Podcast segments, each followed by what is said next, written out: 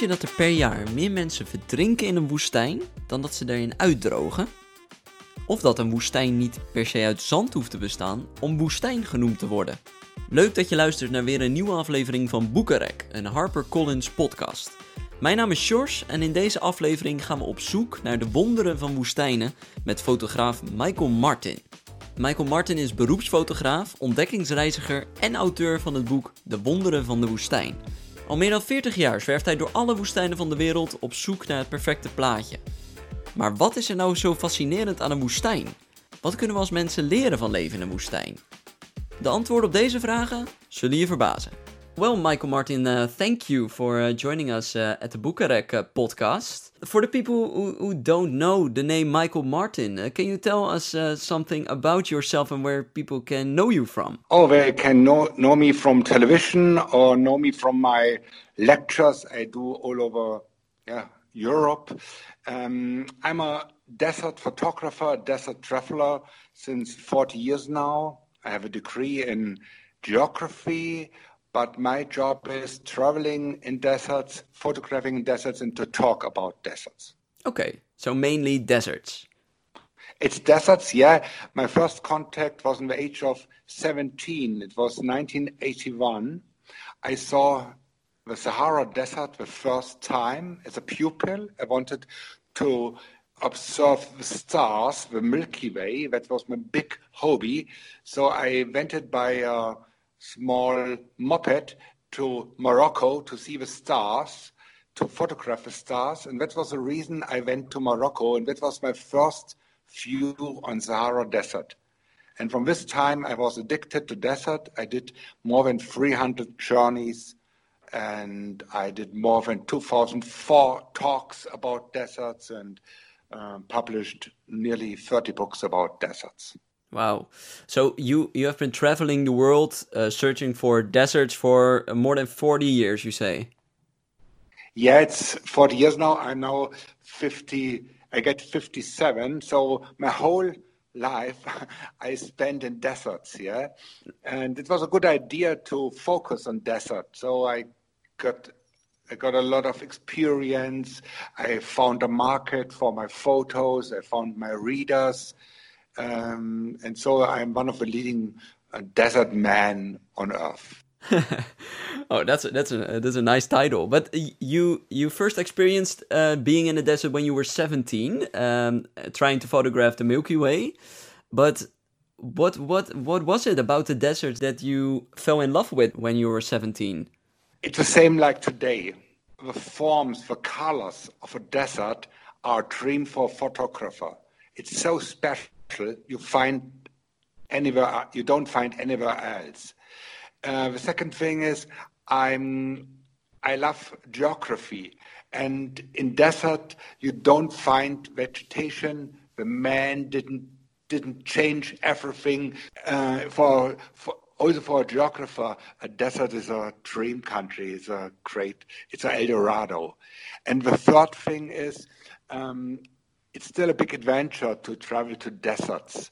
And I traveled by motorbike, I traveled by camels, I traveled by four-wheel drive, and it was always a big adventure. And so it's adventure, it's photography, it's geography that let, let, lets me return to deserts year by year. So it's it's after 40 years, it's still an adventure for you. Yeah, it is um, because they are so big areas. Um, the first 30 years, I was focused on dry deserts, like in the book, like Sahara, Atacama, Gobi Desert. Uh, between 2010 and 2015, I also traveled the polar deserts in Antarctica, in Greenland. But you said polar deserts. For for the people who don't know what those are, what we know deserts like sand deserts, but polar deserts are different. Oh, there's some misunderstandings. Um, deserts are not only sand. Sand is the exception in deserts. Okay. 20%, only 20% of deserts are covered by sand. Mainly they are covered by stone, by mountains. So sand and desert is not the same. And the other thing is, um, only there are dry deserts like Sahara, like Atacama, there's a lack of rain, and in the polar deserts, um, you have really cold desert. There's a lack of warmness, um, too short, too cold summers, like in North Greenland, like in Svalbard. And there are ice deserts. Think about the ice caps in Antarctica, ice cap in Greenland. So we have, it's a really tricky expression, desert. The, the main idea about a desert is sand, but that's not right. Yeah, correct. And the main idea is lack of rain, too less rain. That's okay. Main, and you have, for example, in Sahara Desert, you have 10 millimeter or 5 millimeter of rain a year, but around 7,000 millimeter of evaporation. If you have a swimming pool with a depth of 7 meter, it will be disappeared up, uh, uh, after one year. So it's so extremely dry. Wow. I can imagine there are countless of these deserts then around the world. Oh, yes. Um, if you see the big deserts, there are around 40. Um, if you see the landscape of the land, the land areas on Earth, one third of the land areas on Earth are deserts. One third, it's a lot. And if you put together the ice deserts, the cold deserts, the hot deserts, nearly the half of the land area of Earth are deserts. So we have the main landscape on Earth. I always say not only the planet Mars is a desert planet, actually also our blue planet Earth is in one way a desert planet. Can you say that you you have visited all Earth's deserts, but or or not? Yes, I have visited all deserts. Yes, but I didn't visit all parts. So um, you need hundreds of life uh, to see all. And, and do you have a favorite? Yeah, it's my big love. It's the Sahara Desert. Okay, why? Uh, it's our neighbor from. I'm living in Munich, in the south part of Germany, and it's only one day to drive to get to the Mediterranean. You cross the Mediterranean, and you are in the Sahara. It's close by. The Sahara is a neighbor of Europe. It's so huge. It's 25 times bigger than Germany. It's 6,000 kilometers from Atlantic Ocean to Red Sea. It's like a continent. All types of deserts, all type of lifestyle you find in this Sahara desert. But unfortunately, this Sahara is no-go area now. But because of war, civil war, of Boko Haram or Al Qaeda, it's not a good idea to go nowadays to Mali, to Niger, to Mauritania, they are really dangerous for Europeans who will be uh, kidnapped. Have you ever been in a desert like the Sahara that you uh, were uh, confronted with those uh, those things like war and conflict? Yes, yes. Um, if you do 300 journeys to deserts like me, there are some dangerous situation uh, that happens. I try to avoid it, but I remember 1990 in Niger, um, I got in touch with Chad, Chad rebels who kidnapped me for one day, then released me. Um, I was nearly kidnapped in Algeria, 2003. Um, more than one dozen of um, Euro, um, German and Austrian motorbikers were kidnapped for half a year, and I nearly was a part of his group. So sometimes I was lucky, sometimes I was uh, I had a, um, a feeling to avoid these situations. Are there things outside of the landscape that, that the desert has has taught you? The people in deserts are very impressive. They have to struggle with really harsh conditions.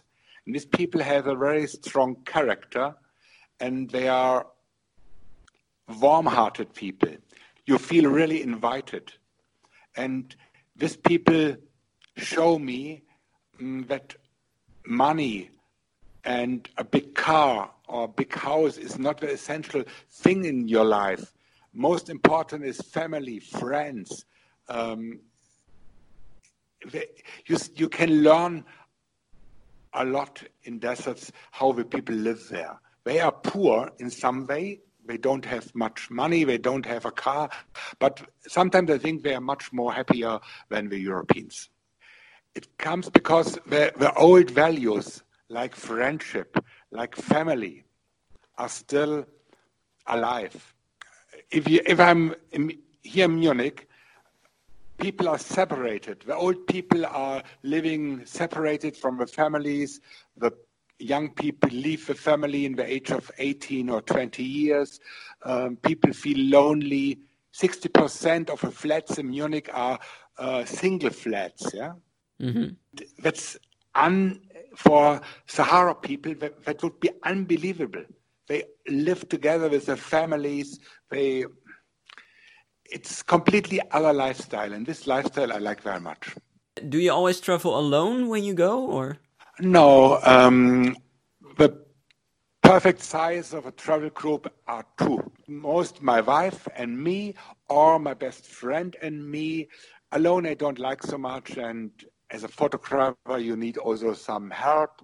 So the best thing is two people. Uh, if the group gets too big, four or five or six people, um, you don't get in touch with people overseas.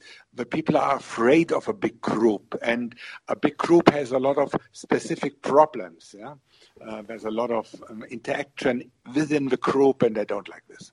Oh God, I can't answer. Um, I, but I would say it's the that I could meet very special, impressive people who who told me another view of life. Yeah, and I met so interesting people in Bolivia, in Afghanistan, in more than 100 countries. Yeah, um, and they gave me also another um, view of, of life here in Germany or in Europe. Yeah, you said you, you, you learn a lot in the desert. Is this why you tell your story so you can um, teach those lessons to the people who read your books or see your uh, photos um, I, the people don't know the people in europe don't know so much about deserts they have some ideas of desert but they don't know so much and i think um, it's, I think it's interesting. It's worth to tell about deserts. I'm like a a law uh, for deserts. I did more than 2,000 lectures. I published all these books, and I love to teach people a little about the nature of desert, about the lifestyle in desert, and try to to help to protect the deserts, because the deserts has no have no no lobby like the rainforest. The rainforest or the um, oceans, fortunately, get now a lobby. People yeah. um, like Greenpeace, organizations like Greenpeace, or uh, fight and struggle for rainforest. And but for the deserts, nobody fights. Uh, people think from deserts we got we get our oil, we get our gas, um, we put our waste to the desert and deserts are worthless. And I try to teach the people um, that deserts are part, are a part of our nature and they are as worth as rainforests or as mountains or oceans. Why uh, should people read this book? Uh, is it uh, so they can learn something from the desert, or what was your purpose? Yeah, I think people the readers of the book will learn a lot about the deserts in a, in a very um, um, entertaining way. Um, I tell a lot of stories about my life, about the deserts, and it's a really easy way and uh, entertaining way to learn something about deserts. And um, there's so many books about mountains, about oceans, about rainforest, but only a few books who really tell you something about deserts. And this book uh, shows my experience of my experience, my knowledge, and my adventures of uh, traveling 40 years in deserts. And uh, I see one of your uh, one of the questions that you try to answer in your book is like, why uh, do more people drown in the desert than die of thirst? You know, uh, the rain in desert is very rare, but if it rains, it can be really a big disaster. Oh, really? The soil is extremely dry, and the water can't cannot enter the soil. So there's a really a big flood, and this floods uh, kill each year a number of people. Oh, and wow. so the number of people killed by floods is really higher than killed by drought. Because it rains and it doesn't drain away, the water just gets really high and uh, a part-time river. yeah, it is. okay, and then the next day it can be all dissolved because of the heat. Yes, it's and it's disappeared. Yeah, but this uh, disaster happens quite often. Zo, dat was even een mini-college van woestijnexpert Michael Martin. Wil je nou nog meer weten over woestijnen? Het boek De Wonderen van de Woestijn van Michael Martin is nu te koop in alle on- en offline boekhandels en natuurlijk op harpercollins.nl. Naast het fascinerende verhaal van Martin bevat het boek ook een collectie aan foto's die hij zelf heeft geschoten op zijn reizen door de woestijn. Echt een aanrader dus. En dat was het weer voor deze aflevering van Boekenrek, een HarperCollins podcast. Voor nog meer verhalen van jouw favoriete auteurs kun je ons vinden op Apple Podcast, Spotify, Stitcher en alle andere podcast apps. En zoals altijd, blijf binnen, blijf gezond en blijf lekker lezen. Tot de volgende keer.